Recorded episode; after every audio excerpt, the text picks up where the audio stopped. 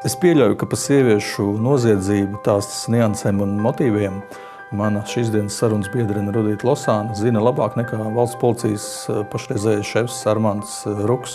Jo Rudīte 20 gadus jau ir Ilģiciem sieviešu cietuma kapelāne, un šis darbs jau 2010. gadā ir novērtēts ar trīs zvaigžņu ordeni.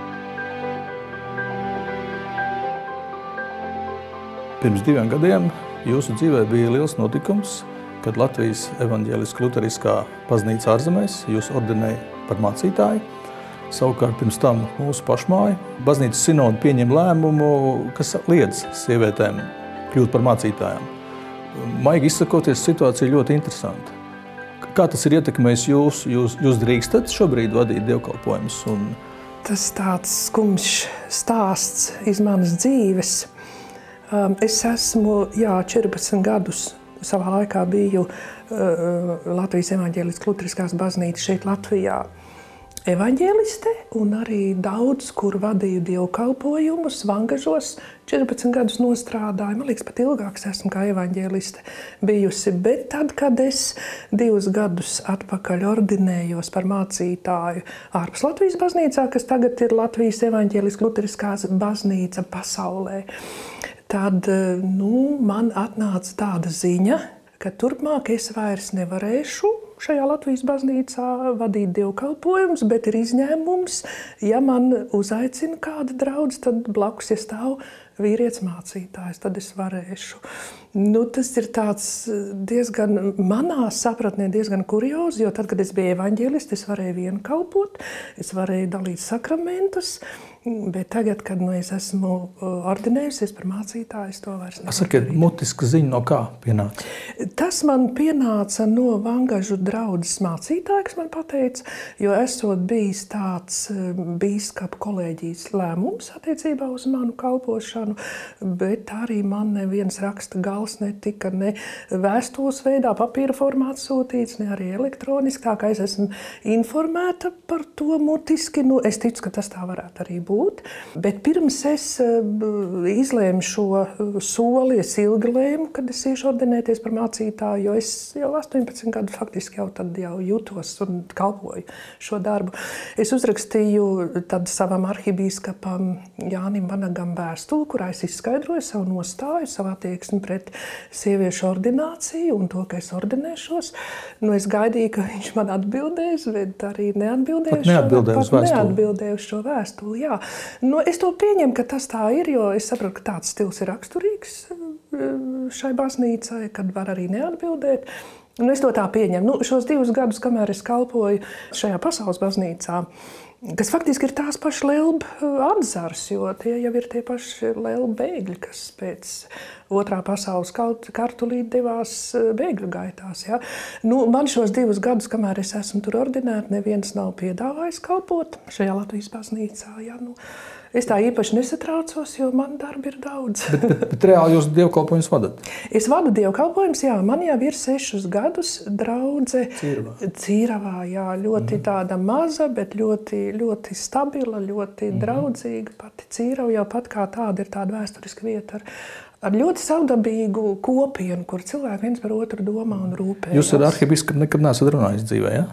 ar arhibīskapu, esmu, esmu, jo es atceros, ka reiz bija par manīm ienākus kaut kāda ziņa, it kā es pati konsekrēju svēto vakarēdienu kā evaņģēliste, jo es nedrīkstēju kā evaņģēliste konsekrēt, parasti man atstāja konsekrētu vakarēdienu, Nu, es jau neprasu draugiem, mācītājiem, vai tu, esi konsekrējis. Tātad, ja man atstāts ir vakarēdienas, saprotu, ka konsekrēts. Nu, bet bija kaut kāda ziņas, kad es vienā draudzē esmu pat atļausies konsekrēt. Un tad man izsauca uz sarkano tepiķi, uz bīskapu kolēģiju. Tur sēdēja visi bīskapi un ņēma mani priekšā.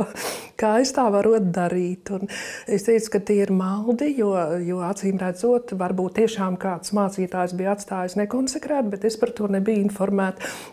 Bet man kā evanģēlistei, tomēr pirms izdala šo svēto vakarēdienu draudzēji, ir jāsaka šie konsekrācijas vārdi, un tos parasti saku. Ja? Un tā kā nu, nu, nebija, nebija patīkama šī bīskapa kolēģija, tajā laikā mums, es jau pie Lelba pasaulē kalpoju, protams, man arī prasīja, kā es tā varu, ne, neinformējot Lelbu to baznīcu, vispār blakus baznīcā kalpot. Es teicu, man ienāca prātā, ka man jāinformē, man, manā sirdī šīs abas baznīcas ir vienas. Man bija līdzi arī tā laika prāvests Kārlis Žaus, kas arī sēdēja man blakus, lai man pāri nenodara. Arhibīskaps eh, Vanāks pavisam nesen eh, ļoti kaismīgi iestājās par influenceru Elīnu Didriksonu, kad sabiedrība metās viņu plosīt. Bet viņš nemaz jūs neaizstāv. Par, par ko tas Jā, liecina? Es domāju, ka tik dažāda attieksme pret sievietēm. Es domāju, ka tas mans vērojums un mana pieredze, e, kad noteikti tā ir dažāda attieksme pret sievietēm. Ja? Manuprāt, tur ir arī pēc maniem novērojumiem zināms subjektīvisms. Ja? Un, nu, piemēram, es esmu sieviete, kas vienmēr atklāti runā arī par nebūšanām baznīcā. Ja? Nu, es ceru, ka ne varmācīgi, ja pietiekami inteliģenti. Nu, acīm redzot, tas šodien daudziem nepatīk. Ja? Bet nu, arī baznīcā ir, ir, mums arī ir savas problēmas, kas ir jāizrunā, kas ir jāizdebatē, kas ir jāizrisina. Ja? Nu, es domāju, ne tikai pret mani vienu, bet pret tāda varbūt tipa sievietēm, kas nekautrējās runāt par to, ka es esmu aicināta kalpot šajā ordinātajā amatā. Arī sievietes, kas aizstāv šo ordināciju Latvijā, es jau neesmu viena tāda, mēs esam vairākas. Ja? Nu, kā jums šķiet, vīriešu pozīcijas pasaulē mazinās, brūk? Es domāju, ka nē, kad vīriešu pozīcijas viņas ir jau pēc, mana, pēc manas sapratnes jau pasaulē nostabilizējušās. Tagad līdzās veidojās sievietes pozīcijas. Un es domāju, šis ir laikmets, kurā mums ir jāspēj sadarboties. Sievietēm ar vīriešiem lauku, dažādos profesionālos laukos. Mēs jau zinām, ka, ļoti, zinām, ka ļoti labi sadarbojās, piemēram, medicīnas jomā. Sievietes ar vīriešiem ir ķirurgi, gan sievietes, gan vīrieši operē līdztekus un viens otrā ierauga profesionāli kolēģi, ja, un, un tāpat arī policijā un tieslietu ministrijā. Visur jau ārpus baznīcas, Latvijā ārpus baznīcas, es domāju, ka šī pieredze jau ir kā mēs profesionāli varam sievietes ar vīriešiem sadarboties. Ja? Nu, baznīca no šī visa uh, sociālā konteksta lēc ārā. Ja? Kaut kā tā vēlme ir not, noturēt tās vīriešu patriarchālās pozīcijas, bet es domāju, mēs ejam jaunā laikmetā, kur mums kaut kāda pastāv tāda līdzvērtība. Ziniet, es jums mēģināšu oponēt, jo um, viens latviešu cilvēks, arhitekts, kurš ir padzīvojis musulmaņu pasaulē, uh, Viņa vērojumi ir tādi, viņš saka, pat musulmaņu zemēs sieviešu ietekme ļoti pieauga. Kad pasaulē tas sieviešu spiediens Bet, ir ļoti spēcīgs. Jūs baidāties, ka tagad, respektīvi, no patriarchālisma aizies uz matriarchālismu? Varbūt ja? ir aizgājis. Jā, jūs redziet, nu, te ir vidusceļš. Ja, un to ienes mums kristīga apziņa, ja izpratne par, par vīriešu un sievietes attiecībām. Jo principā tā teoloģiskā ideja nostādne ir tāda, ka šajā laikā Kristū veidojas jauna tauta. Mēs viņu saucam par jaunās derības tautu. Ja? Un eh, vienā no Pāvila vēstulēm ir teikts, nu, to jau arī ļoti dažādi interpretē, nu, katrs kā, kā vēlās. Ja? Eh, tur nebūs ne, ne, ne jūda, ne grieķa, tur nebūs ne sievietes, ne vīrieši. Tas nenozīmē, ka zudīs dzimums, bet mēs eh, būsim līdzvērtīgi visās jomās. Ja? Un es redzu, kristietība mums piedāvā pilnīgi jaunu uh, sabiedrisko modeli starp abiem dzimumiem. Tā ir tā, ka nav vairs ne matriarchālisms, ne patriarchālisms. Bet mums vēsturiski līdz tam ir jāizaug. Mums ir vispirms iekšēji jāizaug. Jau, piemēram, uh, nu, vairāk islāms ir tāda, uh, nu, tāda ārēja reliģija, ja, viss tādas ārējas rituāli un tā tālāk. Kristietībā mums vairāk tā pārveide ir vērsta uz iekšieni. Sakiet, kā jūs līdz cietumam nonācāt? nu, līdz, līdz darbam cietumā. Līdz darbam jā, cietumā jā, paldies Dievam, es līdz cietumam jā. vēl neesmu nonācis. Tas ir kaut kāds, nu, var teikt, tāda eh, likumsakarības, kas dzīvēs, dzīvē izveidojās, bet iekšā bija arī kaut kāds aicinājums, ko Es nespēju noformulēt, ka es, es eh, strādāšu cietumā, kalpošu cietumā. Es, es to nesapratu, bet man bija tas iekšējais aicinājums jau 90. gados eh, sirdī, kad es būšu mācītājs. To nevienam neteicu. Es eh, pēc kaut kādiem 20 gadiem tik varēju pateikt, jo man likās tās pilnīgas muļķības, jo tajā laikā es ne man bija izglītības, nekas, bet tāds kaut kāds sapnis, kuru es pati atgrūdu, ja man bija tāds. Un tad tā dzīve aizgāja nu, pa šiem ceļiem. Es sāku ļoti interesēties par teoloģiskām lietām, par Bībeles interpretāciju un tā tālāk. Es aizgāju mācīties. Un tad tajā laikā vienīgā iespēja, kur tiešām es garīgi, man vienīgā iespēja, kuras garīgi varēja algotu darbu darīt, tā bija, man piedāvāja no ārpus cietumā par kapelu. Sieviešu, ja? Sieviešu ja piedāvāt vīriešu cietumu, jūs ietu? Laikam nē, jo uh, es nejūtos tik gatava. Es zinu tos stāstus, kā iet sieviete sievietēm, darbiniecēm. Ja? Man liekas, lai strādātu vīriešu cietumā, tur ir jābūt sievietei mātei. Ja, ka, nu, tas vīrietis tiešām, nu, ka tu ar viņu vari kā garīgi, nu, piemēram, kā garīgi māte runāt. Nu, es vēl laikam, nu, ja tā godīgi sevi daudz sievišķības atpazīstu, ja, kad, nu, tāpēc es mazliet sev sargāju ja, no šīs vides. Bet sieviešu cietumā es esmu iestrādājusies. Jā, es Nu, kā pat esot sieviete, es ļoti labi pazīstu, es ļoti labi redzu tos otros plānus un trešos plānus, ja, visās pastorālās sarunās. Nu, ar vīrieti laikam būtu grūtāk. Bet vīrieši cietumā, nu, protams, arī jā, jāsaprot, jo, ziniet, ja tur nu, vīrieši sēž gadiem cietumā, ja, un nu, viņš kaut ar acīm grib noglāstīt to sievieti, ko viņ, kas viņam sēž pretī, un tas ir jāsaprot. Ja, un, un, un, vai tu tam esi gatavs, ja, vai tu esi gatavs tam tikt pāri, ja, tā kā Sakiet, kāds ir tas sieviešu tips, kas šobrīd tieši atrodas eh, ieslodzījumā? Sievietes, kas nāk cietumā eh, par narkotiku lietošanu, par narkotiku tirgošanu, eh, nu ne jau kaut kādā masveidā, protams, par dažām tur devām. Ja? Nāk no, no sociāli bīstamām zonām, ja? kas nav baudījuši iespēju augt ģimenē un, un uz ielas vairāk ir dzīvojuši tādu tipu sievietes. Tad ir sievietes, kas ir par vardarbību. Eh, nu, ir sievietes, kas par slepkavību, kas ir eh, noslapkavojušas savus civilvīrus. Protams, tur fonā ir vardarbīgas attiecības. Tad ir sievietes, kas ir iesaistītas pedofīlijā. Ļoti īpatnēji zinu vairākas sievietes, kas dzīvo attālos eh, lauku rajonos, eh, kur māja no mājas ir patāli, kur ir šīs pedofīlijas izpausmes notikušas, un nu, vīrs ir iesaistījis arī sievu, un tā tālāk, protams, sots ir abiem. Ja. Eh, nu, Tā, tā tādos lielos vilcienos, protams, gadās arī tā saucamās baltās apaklītes. Redziet, pat sieviešu cietumā nav piemērots tas nosaukums. Ja? Tāds vīrišķīgs, ja, kur vairāk sēž sievietes par finanšā, finansiāliem darījumiem. Protams, ne par maziem tie ir ievērojami darījumi, izcieš arī cietumsodus. Ziniet, bet ja es runāju no garīgā aspekta, ja, visur pamatā ir mana, manas vēlmes kas ir iepakotas kārdinājumā. Es gribu. Un tam kārdinājumam ja, ir tāda īpašība, ka tu, tu tā kā ieķep, jūs zināt, tā kā muša medū ieķep, ja, un tu vairs ārā netiec, un tu ej burtiski velies tāda sniega bumba, un tu vairs netiec ārā. Un tas ir gan uz narkotiku lietošanu, gan uz narkotiku tirgošanu, gan uz mm, finansiālām lietām, kur tiek ņemts. Un beigās man ir bijušas sievietes, kas saka, nu es vairs vienkārši nevaru apstāties, un cik labi, ka es esmu nonākusi cietumā kad tas man viss ir beidzies. Es vienkārši brīvi jūtos. Jo, jo cilvēki nespēja reizēm saprast, ka tās lietas, ko mēs mācām, teoloģiski uzmanies no šiem kārdinājumiem, jo dabiskām vajadzībām, nu, dabiskas vajadzības pēc kārdinājumiem tev notiek. Ja? Bet tur, kur tu jūti kārdinājumu, kārdinājums ir uz aizliegtām lietām. Es zinu, ka to nedrīkst, ja? bet man ir tas, es gribu, gribu, gribu. Nu, vienreiz pamēģināšu, un tad jau nekas. Ja?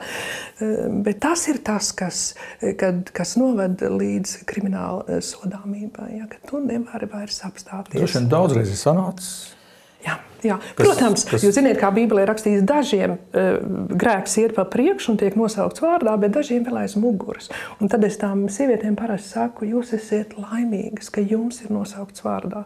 Saprotu, jums ir daudz brīvāk dzīvot, bet kāds, kas stiepi to nodarījumu, ka viņš tur ir, vai tur ņēmis to naudu, vai kaut kādas zerebes taisīs ar valsts līdzekļiem, vai tur pirts un pārdevus kaut ko aizliegt. Nu, tā sirdsapziņa visu laiku signalizē, jo kā Bībelē rakstīts, mums jau tie likumi rakstīti iet uz sirds plāksnēm, viņi jau iekšā ir tā sirdsapziņa. Protams, to jau viņi var nomākt, tu viņu var apslāpēt, ja?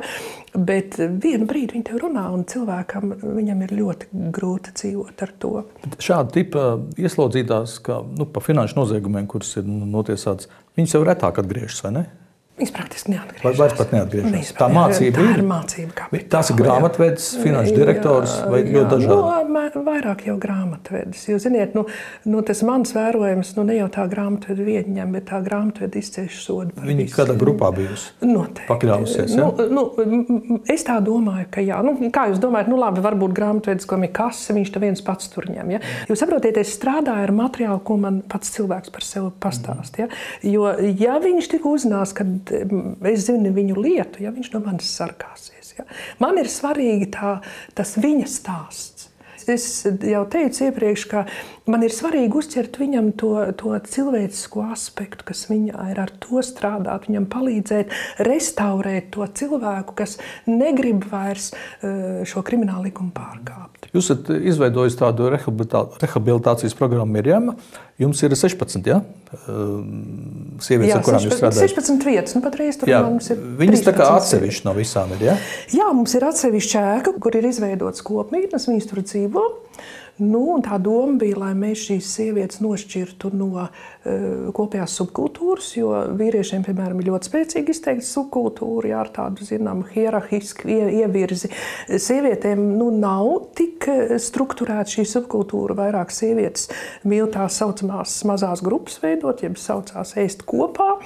Bet nu, viņas arī uztur savu kārtību. Ja ir sevišķi tās, kas atgriežas vairāk kārt recidīvistas, ja viņām ir savi noteikumi, ko viņas pašas uztur un piekopja. Un, nu, un tad eh, ir arī tās marginalizētās sievietes, kas noteiktiem pantiem netiek pieņemtas, un eh, tāpat arī netiek pieņemti, tiek staigā ar zaļām, liekas, zaļām birkām, nu, ne īpaši tā saimnieciskā apkalpe. Ja, un, nu, principā, tur ir tādas sievietes, kas kas regulē šo, šo kārtību savstarpējo notiesāto starpā. Tā kā vīriešu cietumā, ja? Ir nu, tāpat nav, mums ir viņa maigāk, bet sievietēm arī savu kārtību. Ko nozīmē zaļā birka? Tā bija tā saimnieciskā apkalpe. Jā. Es, es eh, tagad arī ieslodzītās, pateikt, arī ieslodzītās, jā. jā, bet viņas tā pašas sauc. Jā. Sakiet, tās 16 ir ieguvējas kaut kādā ziņā, ka viņas nostāk dzīvo? Uh, viņas ir ieguvējas tāpēc, ka viņas nevēlas uh, identificēties ar, ar šo cietumnieču subkultūru. Viņām ir kur pamukt. Jā.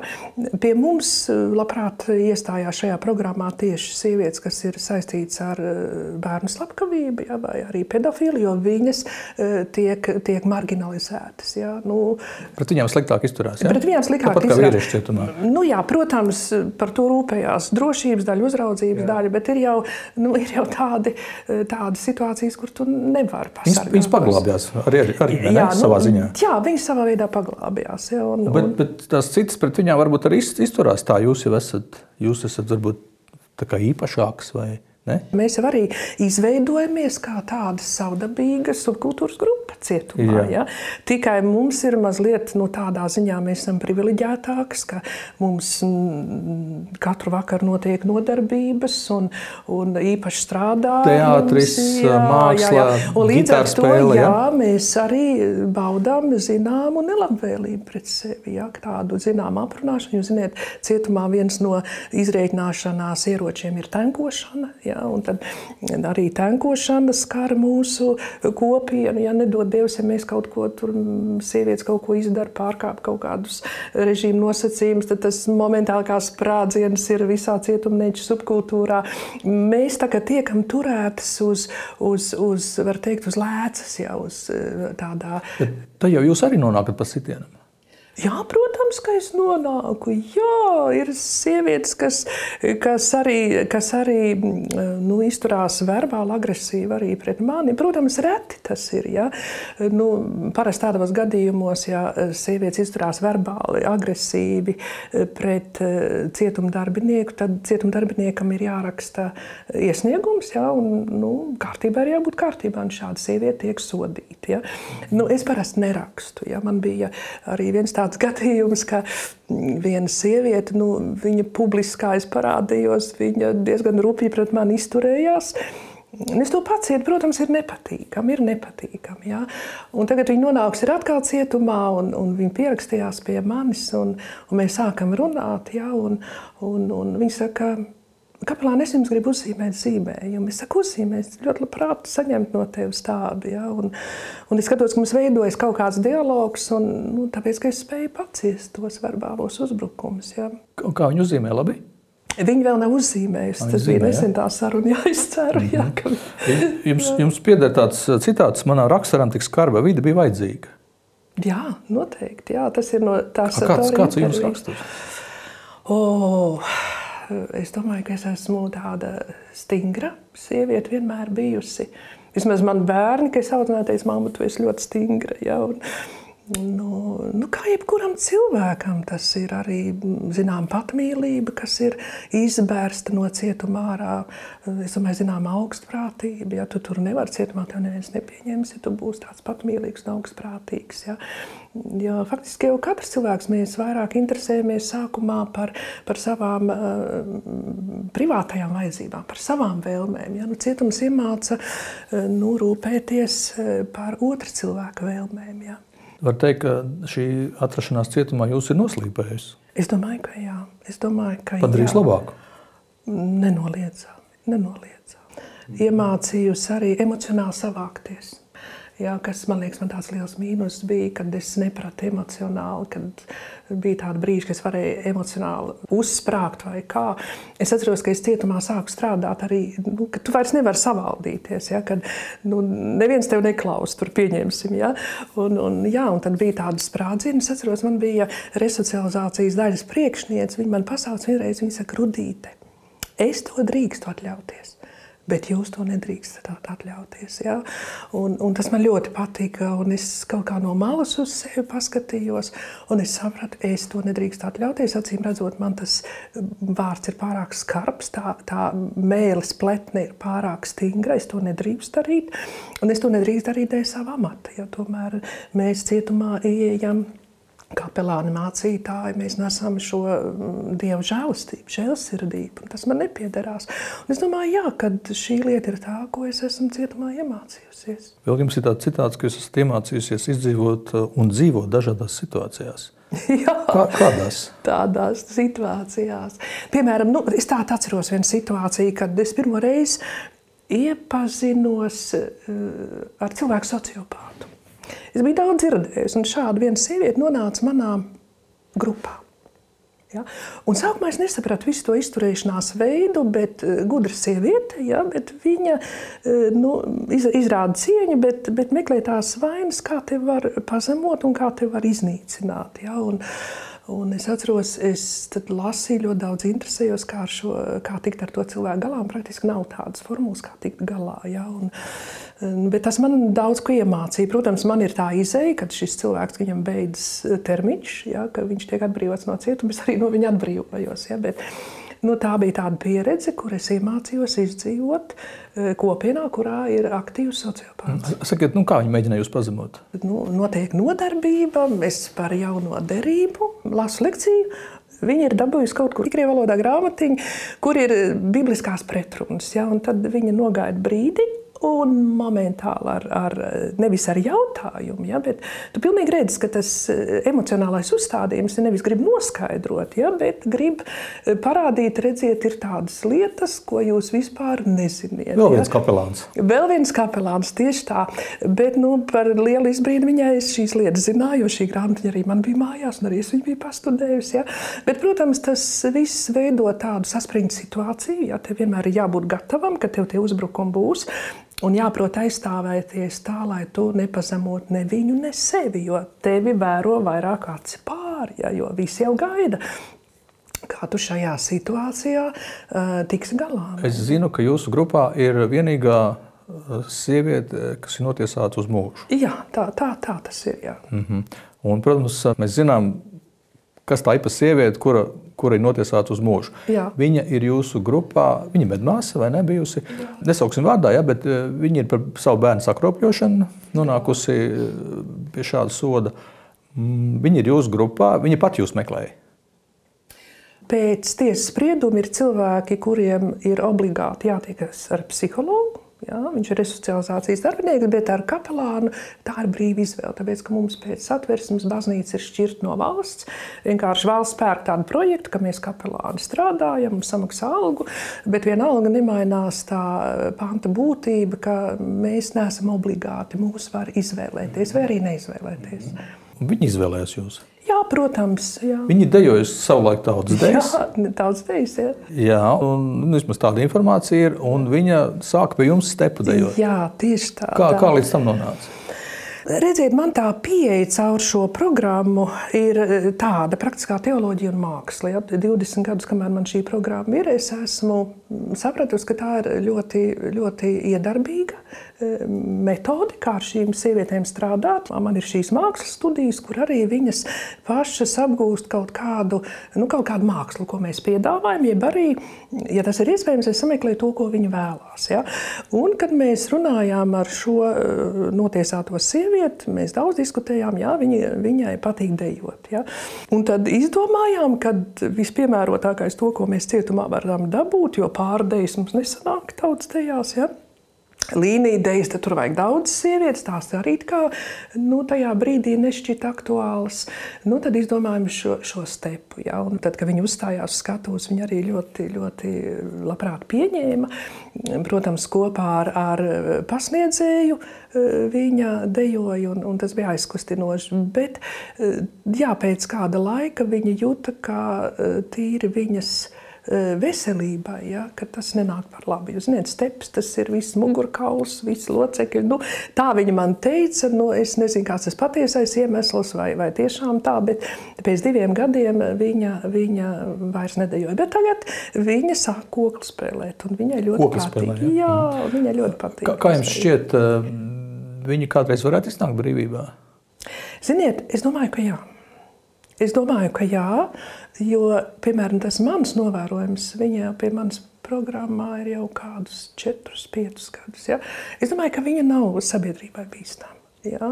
Un ka viņi varētu iekļauties, jautājums, vai sabiedrība viņu pieņems. Ja? Un, un, ziniet, visgrūtāk jau ir dzīvot ne jau sabiedrībā ar šādiem cilvēkiem, bet visgrūtāk ir šādiem cilvēkiem sabiedrībā dzīvot. Ja? Jo nu, mēs jau redzam pēc šādiem noziegumiem, kas notiek ar cilvēku dvēseli. Ja? Es nezinu par vīriešu cietumu, kā tas ir uz mūža ieslodzītiem, bet nu, tā patiešām ir, ir nu, sevišķi, ja sāk palīdzēt tam cilvēkam sevi izmeklēt. Tas ir, nu, tas ir ļoti skarbs stāsts jā, par šiem cilvēkiem. Jā, bet nu, uz to jau cietums ir vērsts. Cietuma mērķis nav sodīt cilvēku, jā, bet e, palīdzēt viņam atgriezties sabiedrībā. Precizēt man, jūs esat e, mākslas zinātņu maģistri?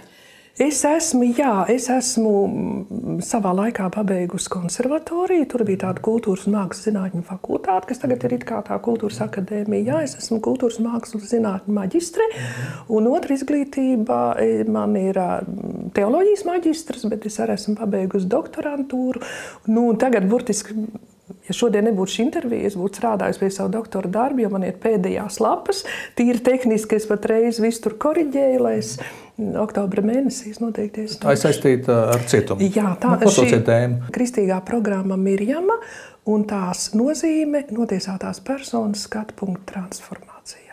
Ja, tas ir tas, ko es gribu pierādīt, ka teoloģija ko korelācijā ar mākslu ir ļoti efektīvs līdzeklis tieši šādā noslēgtā vidē, kāds ir cietums. Ja, gan lai šīs notiesātās personas, lai mainītos šis viņu skatu punkts. Ja, Un lai arī, lai arī e, veidot šo kultūras vidi.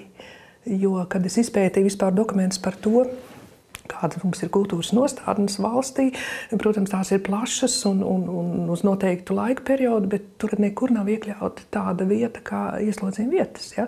Un, ja mēs paskatāmies, tad ieslodzījuma vietās, manuprāt, pār pa 5000 tagad ir notiesātās personas, jau pamatā vīrieši. Jūs iedomājaties, mums notiek lieli svētki ārpusē, bet tur nenotiek nekā. Tur notiek kaut kādi šaha un, un dambrets turnīri, piemēram, vīriešiem vai, vai volejbola vai futbola spēles. Ja? Un, Tā kā es domāju, ka tas, tas ir arī uz to es ar savu darbu gribu vērst uzmanību, ka visām tām kultūras nostādnēm, kas mums ir aktuāli ārpusē, ja, ir arī jāiet šajās ieslodzījuma vietās. Tur ir jāveido kultūras vidi. Jūsu pieredze liecina, ka šāds pieejams palīdz. Jā, protams, 20 gadus. Jā. Un tas mm -hmm. mans pierādījums ir, ir tajā, protams, tīri aritmētiski rēķinot, ja, bet apmēram sieviešu cietumā recidīvs ir 40%, mm -hmm. tad man mirjamā recidīvs ir 6-7%. Mm, jā, jā, tā kā, nu, protams, tur ir jāpēta no daudziem aspektiem, bet no viens no šiem pašiem nopietnākajiem aspektiem, kad es veidoju šo kultūru vidi, mums nāk ap 20 desmit eh, dažādi mm, inteliģentas pārstāvi, kas eh, nesņem par to algu. Jūs viņus pieaicināt? Jā, es viņu sameklēju, pieaicinu. Man ir ideja, man ir vīzija, es redzu, ko man vajag. To, man nav tāda ārpus šīs cietuma vidas, es redzu, kas tām sievietēm vajadzīgs. Piemēram, tāpat šī mūža notiesātā. Ja mēs mm. sākām runāt, viņa saka, viņa grib dejot, un tad es uzreiz meklēju pretī viņai. Tagad man ir viena notiesātā persona, kas gribētu atjaunot klavieru spēli. Es sameklēju pretī klavieru spēles. Cietumā ir klavieres? Nu, nu, tās nav klavieres, tas ir sintēzators. Jā, bet, bet mēs, protams, spēlēt, jā. Jā. Un, un, protams, tā sieviete, es redzu, kā viņai atjaunot atjaunojas pašapziņa. Kā viņa atnāk no darba un, un viņa grib iet paspēlēt. Viņai ir motivācija, viņai kaut kas ir jāizdara priekš sevīm. Un, un tas ir kaut kas skaists, kas viņai patīk. Ja, viņa atsauc atmiņā dzīvē to labo, kas vēl bija. Jo nu, lielākā daļa šīs sievietes, maksimums bērnībā, viņas nebija likuma pārkāpējas. Ja, un, un tas ir tas tāds nu, kopējs darbs. Ja. Man ir tādas pamat eh, studijas, kas nemainās. Mm. Un ir tādas mainīgās studijas. Tātad tās mainīgās ir tās, kad nu, man atnāk viena, viena sieviete, nu, es sāku runāt, ko tu gribētu darīt. Ja? Un tad bija man viena sieviete, arī, kas bija dārzņos mācījusies, kas, kas eh, spēlēja vijoli. Mēs viņai dabūjām vijoli, teātris studijas pasniedzēja režisora Kristīna Klētniece. Dabūjām, iedevām rokā. Mēs redzējām, kā viņa sāk trīcēt un drebēt, ka viņa nevar paspēlēt to vijoli. Ja? Un, un tad mēs speciāli viņas dēļ iestudējām teātris studijā Raimondu Paulu māsu Keriju, lai viņi varētu vijoli spēlēt tur. Ja, un... Jūs teātris uztaisījāt? A, mums ne... ir, jā, mums jā. ir teātris, mums katru gadu ir teātris izrāde. Mēs iestudējam kopā profesionāliem aktieriem. Un pagājušo gadu Elita Kļaviņa, jaunā teātra aktrise un režisora uzņēma uz mēs, mūsu teātra studiju bāzes, Mirjams teātra studiju bāzes, uzņēma filmu par trīs sievietēm, kuras spēlēja Čehau trīs māsās, un arī viņi uzņēma viņas to, to cietumdzīvi. Tā būs ļoti interesanti. Varbūt viņas var integrēt Rīgas jaunajā teātrī. Jā, kāpēc nē, kāpēc nē? Bet Rīgas jaunā teātra eh, aktieri eh, vadošie nāca, integrējās tajā laikā kopā ar šīm meitenēm cietumā, un jūs to redzēsiet filmā. Es domāju, ka pavasarī tā filma varētu jau aiziet līdz skatītājiem. Tādus nu, tiešām pasākumus, kuros ir jāiedziļinās, es cenšos savā mazā kapelā taisīt, tad es sataisu ielūgumus. Ja, un tad es staigāju pa cietumu, izlieku afišu, ka tāds pasākums būs, un tad tos pieeja sievietēm klāt. Es saku, nu, vai tu vēlētos atnākt uz tādu pasākumu? Gribu. Tad es uzrakstu ļoti cienījamai tādai un tādai sievietei, vārds uz vārds, iedod viņai ielūgumu. Un tad tās sievietes ar ielūgumiem viņas uzkrāsojušās, saposušās. Ja, viņas nāk uz, ar ielūgumu uz pasākumu. Ja, un, un tas patiešām ir aizkustinoši, ka nu, kad, nu, viņām ir tāda vieta, kur nu, tā kā uz kultūras pasākumu. Sakiet, cik, cik šobrīd ir Ilcīna cietumā? Oi, es nezinu to statistiku. Simts vairāk? Nē, nē, nē, kaut kādi 200 sievietes. 200 jā. sievietes, ja? jā. Vīriešu cietumā ir skaidrs, ka pamatā dominē krievalodīgie, ja? Tur, tur tā kā mums ir skaidrs, sievietēm ir savādāk? Nē, es domāju, ka, redziet, nav saruna par krievalodīgajiem. Um, Nu, tur ir atkal jābūt ir eh, statistiskam pētījumam. Ja? Mm -hmm. Varētu būt, jo ir tāda viena subkultūras teorija, kriminoloģiskā, eh, kas skaidro, kāpēc, piemēram, mazākuma tautības vairāk nonāk eh, cietumā. Tāpēc, ka viņi nav iekļaujušies tajā kultūras kontekstā. Ja? Tāds varētu būt. Tas varētu, ja jūs sakiet, ka vīrieši cietumā ir vairāk krivalodīgie, nu, tas, tas mums parāda ar pirkstu uz mūsu integrācijas politiku. Kaut kas nav kārtībā. Ja? Tā tiešām tā eh, subkultūras teorija kriminoloģiskā nostrādā. Ja. Vienu gan es varu pateikt, ka no padomu laika kolonijām joprojām eh, kā subkultūras valoda cietumā ir saglabājusies krievu valoda ar visiem tiem žargoniem. Pat ja viņš ir latviečs, viņš eh, runā. Tieši jā, tā, jā. arī latviečs, kas ienāk cietumā, mm. viņš apgūš šo krievu valodu, jo viņam ir jāizdzīvo. Un es esmu arī pētījusi, kāpēc tieši tā, un ir tādi krievu valodas pētnieki, Uspenskis un uh, Lotmans. Jā, viņi ir semiotiķi abi, un viņi raksta tā, ka, jā, ka principā, lai nomainītos kultūra, ja, lai viņi iegūtu kaut kādas jaunas izpausmes, ir jāpaiet noteiktam laikam, tur kaut kādam 30, 40 gadiem. Cietums ir kā sabiedrības spogulis, kā saka, un, un te mēs varam iemācīties, kā šos cilvēkus integrēt latviešu kultūrā. Ja, piemēram, arī mums māca mākslas vēsturi, ja, Mirjamā. Un arī ir reizēm pat tā, ka man grupā ir puskrievalodīgās, un, un tiek stāstīts par brīvības pieminekli, par brāļu kapiem, par mūsu gleznotājiem, pirmās brīvvalsts un visiem, un par mākslas akadēmiju, kā tā tapa. Un šīs sievietes pēc tam iet krievalodīgās klātienes klāt pasniedzējiem saka, mēs taču nezinājām. Es nezināju, ka Latvijā ir tāda mākslinieka. Es katreiz braucu garām brīvības piemineklim, es nevaru iedomāties, ka tas ir tāds. Ja? Un es domāju, ka e, tieši parādās cietumā, kad e, no šīm krivalodīgām sievietēm vismaz. Ja?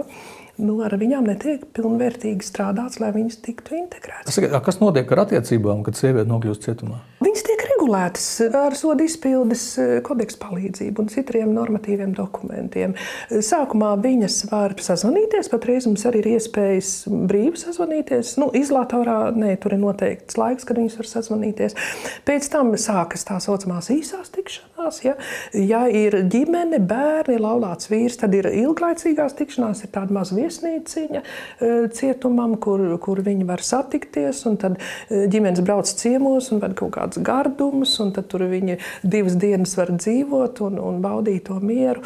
Un es redzu arī, ka tās sievietes, kas pie manas programmā, eh, ka viņas, viņas gatavojās eh, tikties ar saviem tuviniekiem un sapucējās un, un priecīgas un laimīgas. Nu, bet, ja nav vīrs, bet, ja nav vīrs, tad var tikties ar viņu? Nu, nē, tad nevar. Tad, tad ir, ne, ir, ir pat sievietes, lai, lai tiktos, viņas pat eh, aprecās cietumā, noslēdz laulības. Jā, lai, lai varētu, tiktos, jā, tiktos. Mm nu, ja iedomājieties, arī mm -hmm. nu, ir mīļotais vīrietis ārpusē un ja ir 3, 4 un 5 gadu cietumā. Attiecības bieži izjūg, ja sieviete nokļūst cietumā cietumā? Ziniet, ar vīriešiem ir tā, ka nu, tas mans novērojums, ka nu, jau neizjūg, bet viņš nav uzticīgs. Ja? Nu, viņam arī ir grūti dzīvot tur, tur kaut kādus gadus un gaidīt savu sievu. Protams, ir arī citi piemēri, kad vīrs ļoti pārdzīvo un ļoti rūpējas par sievu. Nu, parasti tās ir saistītas ar tādām pietiekami labvēlīgām ģimenēm. Ja? Un, un tiešām gaida mājās un tās attiecības uzlabojās. Ja? Arī tādi fenomeni ir tā, kā mēs nevaram tikai uz kaut kādu vienu modeli norakstīt. Ja?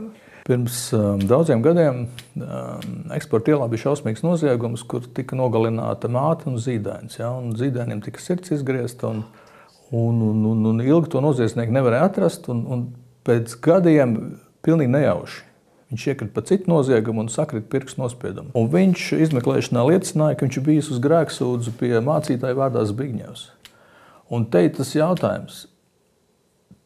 Es saprotu, ka katoļi nedrīkst Katoļu baznīcā nedrīkst izpaust grēksūdzes noslēpumu. Bet, ja pretī ir tāds cilvēks, viņam galvā ir iedomas, viņam kāds viņu uzrunāja, ka viņam tas ir jāizdara. Likumā ir ierakstīts, ka mums neviens arī e, cietumā nedrīkst prasīt par e, šīm konfidencionālām sarunām.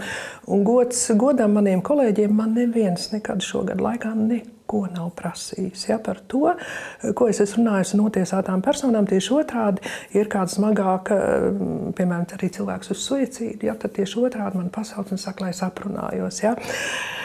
Jā, jo ziniet, nu, tā mana pieredze ir tas ir jājūt, ja? mācītājiem tas ir jājūt. Jo pirmām kārtām, ja, kad nu, mēs varam palīdzēt arī šim nelaimīgajam, kas ir atnācis uz grēksūdzi, e, nu, pasargāties no nākošā nozieguma. Mēs vēl arī varam palīdzēt pasargāt, ja ceļš tur, kur ir runa par slep, slepkavību, pasargāt arī nākošo. Ja?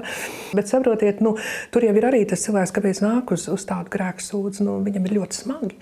Ja, un arī jāprot jau tajos, tajās situācijās to cilvēku runāt. Ja, un, un jāprot viņu motivēt. Faktiski viņu vajadzētu motivēt, eh, griezties un atzīties. Ja. Jo mm, Pāvila vēstulē 13. nodaļa runā, ka mums visas valdības ir no Dieva. Un, un valdībai rokās ir zobens. Un, ja tu esi paklausīgs, tad viss ir ok, bet, ja tu esi nepaklausīgs, tad no zobena krīt. Ja, tomēr, ja man ir pilnīgi jāpārstāv Dieva vārds svētajos rakstos, tad noteikti šis cilvēks man ir jāmotivē tomēr atgriezt, iet, iet mm, atzīties ja, un, un saņemt pilnīgi savu sodu. Tāds viedoklis ir, ka, ka bieži vien vīrieši, kas izdara noziegumus, viņi to Viņi to izdara sieviešu dēļ. Esmu dzirdējis. Pat, pat, pat, teiksim, ja viņš ir plaupa banku, viņam to naudu vajag, lai viņš izrādītos kādai sievietei, lai viņš būtu turīgs un, un tā. Ja? Un, un bieži vien ir tā, ka, ka sievietes ir netiešas līdzdalībnieces. Ja? Ir, ir sievietes, kas pamudina, kūdītājs, bet ir, bet ir piemēram sievietes, kas eh, mājās pirms zāģē vīru, vajag vairāk naudu, pasties manai draudzenei ir tas, tas un tas, mums nav tā un, un vīrietis aiziet pa to ceļu. Vai kā jūs uz šo aspektu skatāties? Esat saskārusies? Nē, es neesmu. Es domāju, tas vairāk ir stāsts vīriešu cietumā, ko jūs jā, jā, stāstījat. Jā. Es esmu saskārusies ar to, ka eh, vairāk sievietes iemīlās kriminālā personā. Ja? Un e, tā sieviete tiek ievilkta visā šajā kriminālās darbībās un kļūst par līdzdalībnieku. Ja? Bet tādu stāstu, ko jūs sakiet, es esmu dzirdējusi. Jā, piemēram, e, vīrieši, ka e, dēļ greizsirdības noslepkavo savas sievas, jā, un tāda neviena slepkavība. Nu, tur noteikti ir jāprasa vīriešu cietuma kapelāniem, viņi ir kompetentāki. Jā, bet, nu, es domāju, jāuzņemās arī sievietei sava atbildība, jo es skatos tāpat sieviešu cietumā man ir arī iespēja redzēt sieviešu eh, agresivitāti, verbālo un fizisko. Ja, tā kā nenoliedzam arī sievietes ir vardarbīgas. Ja, to mēs nevaram izslēgt. Un, un sievietes vardarbības līdzeklis bieži vien ir emocijas un, un vārds, kas ir ļoti spēcīgs, ko vīrietis nepanes. Tad ir uh, manipulācija. manipulācijas, jā, tas varētu būt. Taču, jebkurā gadījumā, tas neataisno vīrieša fizisko vardarbību pret sievieti. Jo fiziskā vardarbība uzreiz ir sodāma. Ko jūs ieteiktu vīrietim darīt? Tas sieviete kā ierocis izmanto emocijas, ar viņu izrunāties. Vārdu. Un ziniet, kas ir pateikt, kā es jūtos šajā brīdī? Pat, kad tu pret manīm, kā, kā es jūtos, un nevis tā agresīvi mesties pretī, bet lai viņi izjūtu to, kā es patreiz jūtos kā vīrietis. Reizēm ir tāda sajūta, ka mēs domājam, ka vīrietis nejūt ka viņam nav nekādas jūtas. Viņš tur lasa avīzi vai skatās eh, mobilajā, viņam nav nekādas jūtas. Tagad man ir eh, jādod virsū, lai viņam pamostos emocijas. Ja? Es domāju, ka lielākā daļa konflikta ir dēļ tā, ka cilvēki savā starpā nezinājas laulātais pāris un nepasaka, kā es šajā brīdī jūtos, ka tu man tā dari vai ne. Un, uh, es domāju, to ir jāsāk divatā, tas ir jāsāk. Jūs pat esat šķīrusies? Es pat esmu jau 94. gadā šķīrusies. Jūs esat izveidojis attiecības pēc tam?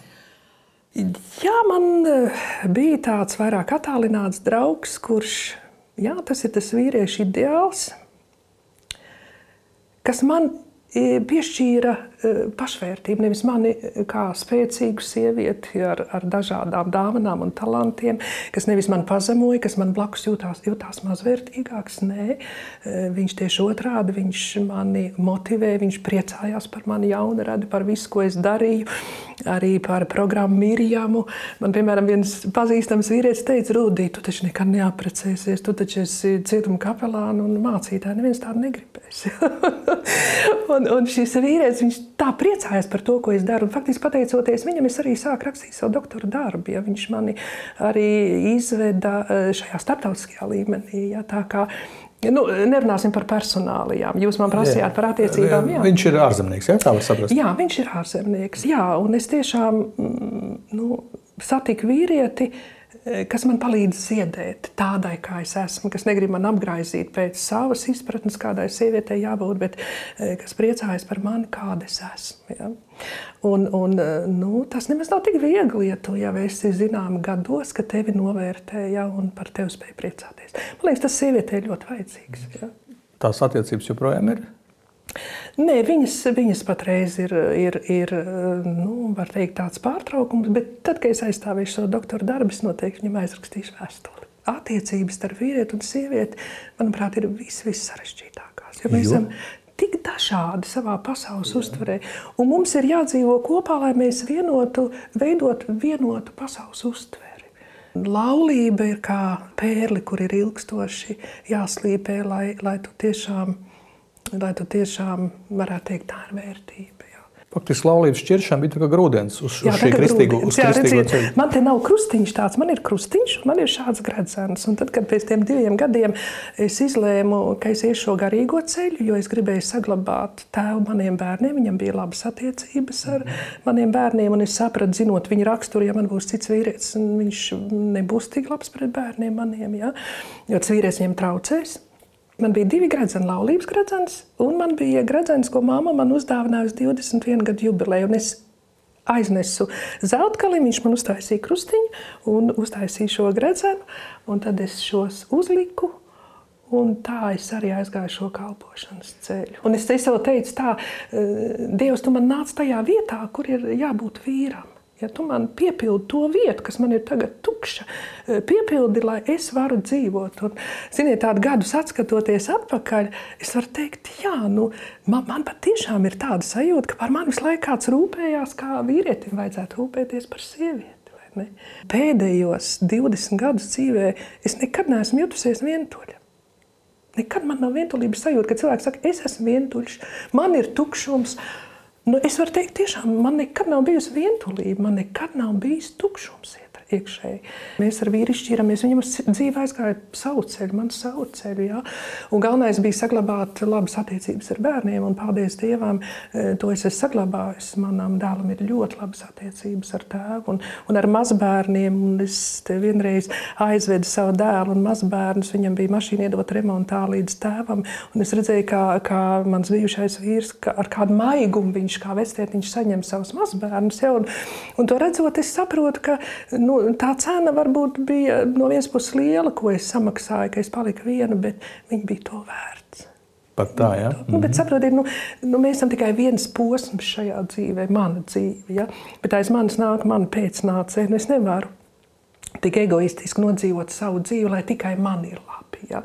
Tomēr es kaut kā, es, es tiešām es ļoti organiski jūtu, ka es esmu posms tikai visā tajā, nu, teikt, tajā ģenētiskā kārtībā. Tā ir mana laime, tā es redzu laimi, nodzīvot šo dzīvi tā, lai šiem nākošajiem posmiem, un, un tas nav skaists runas, es tiešām tā domāju, lai nākošajiem, kas nāks aiz mani, lai tiešām pār viņu nāk tā, tā, tā Dieva svētība. Ziniet, kā Bībelē rakstīts, ja tu ļaunu darīsi, ja tu grēkos pret Dievu, tad lāsties līdz ceturtajai paudzei. Nu, tas ir tā laika valodā teikts. Nu, šodien to mēs visi varam mūsdienīgi pastāstīt, kas tas ir. Ja, ja tu tiešām esi dzīvojis ar tādu mīlestību un domājis, ko tu atstāsi nākošai paudzei, ja, tad tā, tā svētība ir līdz tūkstošai paudzei. Mums dzīvē vēl viens eh, smags pārbaudījums ir bijis. Jā, jūs domājat par meitu. Jā. Jā. Nu, jā, tas bija tas smagākais. Jā. Tas bija tas, kas man liekas, tiešām izrīvēja mani no iekšienes, tā ka es pat to aptvert nevaru. Jā, tas bija ļoti smags, eh, neaptverams. Jā. To jau tā nevar pateikt. Kā tas ir, ka tev, nu, kad tu saproti, ka tavs bērns mirs, jā, un ka tur neko vairs nevar darīt. Viņai eh, vēl nu, deva, deva papildus asinis, jo aknas iznīcināja visas sarkanos asins ķermenīšus. Man pasauc ārsts, sievietes, man paši nevarēja pateikt. Pas, pasauc vienu vien būdīgu anesteziologu, iesauc kabinetā un teica, saprotiet, mamma, mēs vairs nevaram jūs meitai uh, liet asinis iekšā, jo kādam tas būs vairāk vajadzīgs, jo tur viņas visas tiek atkal iznīcinātas, tie sarkanie asins ķermenīši. Tad man bija tukšums, bet, ziniet, tas arī bija piepildīts. Tagad es tā skatoties, ja, tas bija piepildīts, bet bija grūti, jā, kāds trīs gadus, tās sēras ilga trīs gadus. Jā, un trešajā dienā, pēc tam, kad man nomira meita, ka mēs viņu apglabājām, es uzrakstīju dzējoli. Tur es arī runāju par to zobenu sirdī. Ja, viņš jau ir visu laiku. Un es vismaz necenšos uz bildēm skatītos. Vēl man ir mājās meitas dažas mantas, tur personiskās, ko es arī nevaru iznīcināt. Bet es esmu viņas dziļi iebāzu uz skapī, lai es viņas neredzētu. Ja, jo tikko mm, es tam pieskaros, es jūtu zobens um, sakustās, bet es esmu iemācījusies ar viņu dzīvot. Es esmu iemācījusies emocionāli sev atkal sakārtot lai viņš tur stāv. Man viņš nav jākustina. Viņš tur ir. Ja viņš savu darbu ir izdarījis. Pie manas sirds. Jums ir kāda hobija? O, jā, man ir daudz hobiju. Nu, nu, mans, jā, mans sunītis, man jau otrais suns ir. Nu, ziniet, kā ir, ka gribās tomēr kaut ko arī vien dzīvot, jo gribās kādu pabužināt. Ja? Un, nu, suns ir ļoti pateicīgs tam, ka tev sagaida mājās kā liels draugs un, un ko pabužinot, pamīlēt. Un iepriekš tam man bija šī cūku kucīte, patreiz man ir viņas meita. Nu, tad es biju aizrausies ar, ar, ar to, ka mēs braucām uz dažādiem konkursiem. Man bija ļoti labi šī cūkucīte, un mēs daudz kur ņēmām pirmās vietas starp mazajiem suņiem. Bet tad, tad viņa aizgāja mūžībā, un man palika viņas meita. Nu, šis šuņuks vairs nav tik kvalitatīvs, bet viņi ir daudz gudrāki un paklausīgāki. Bet viņi tos no standarts neiztur, lai mēs ietu uz kaut kādiem tur eh, suņu, suņu konkursiem. Ja? Um, tad man, man ļoti patīk peldēt. Es eju uz basēniem, tā ir jāatjauno, jo bija visu laiku cieta basēns. Ja? Es reizi nedēļā noteikti eju uz basēnu peldēt. Man patīk, es kārtīgi peldu. Es, protams, labi peldat? Es labi peldu. Jūs uh, daudz vai mierīgi pāri? Nē, nē, es laikam, tur man būtu bailes pār Lielupei. Es, es peldu pa baseinu. Jā. Nē, man upēs nesevišķi, man tieši baseinā patīk. Ja? Nu, cik tur 250 metri? Nē, nē, nav, nav Bet 50 Jūs mierīgi varat nopeldēt diezgan jā. garas distances. Protams, 50 metri, man liekas, ir Daugavas sporta namatas. Nu, es stabili peldu un nepārtraukti kādas turp atpakaļ sešas reizes. Un tad ziemā man ļoti patīk slēpot. Man jaunībā ļoti patīk slēpot. Distanču, jā, slēpošana. Distan, nu, distanču, nu, tādu vairāk, jā, pa distanci, bet man patīk vairāk slēpot kā ar turistu slēpēm. Man ir turistu slēpes, kas ne ir. Ne kalns slēpes, bet. Nē, kalns slēpes, nē, nē, pa kalnu man bailes ir. Okay. Bet pa distanci, jā, jā pareizi.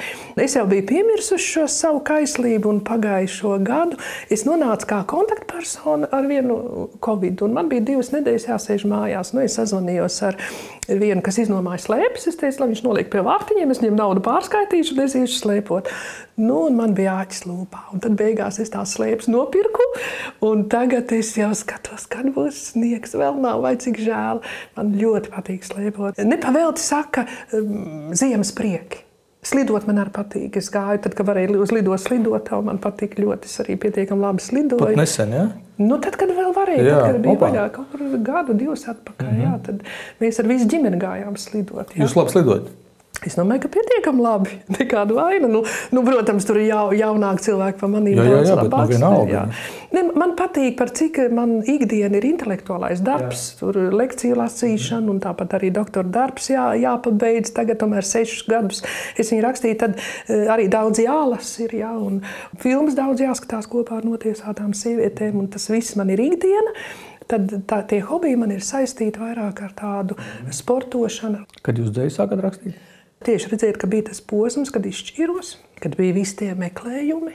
Jā, tad arī sākās tās dziļās pārdomas, meklējumi. Faktiski es rakstīju intensīvi, kādus sešus gadus. Jā, patreiz, nu, es tā vēl reizēm pārbaudu, vai es varu dzēju uzrakstīt, jā, ka tā īsti noskaņojās.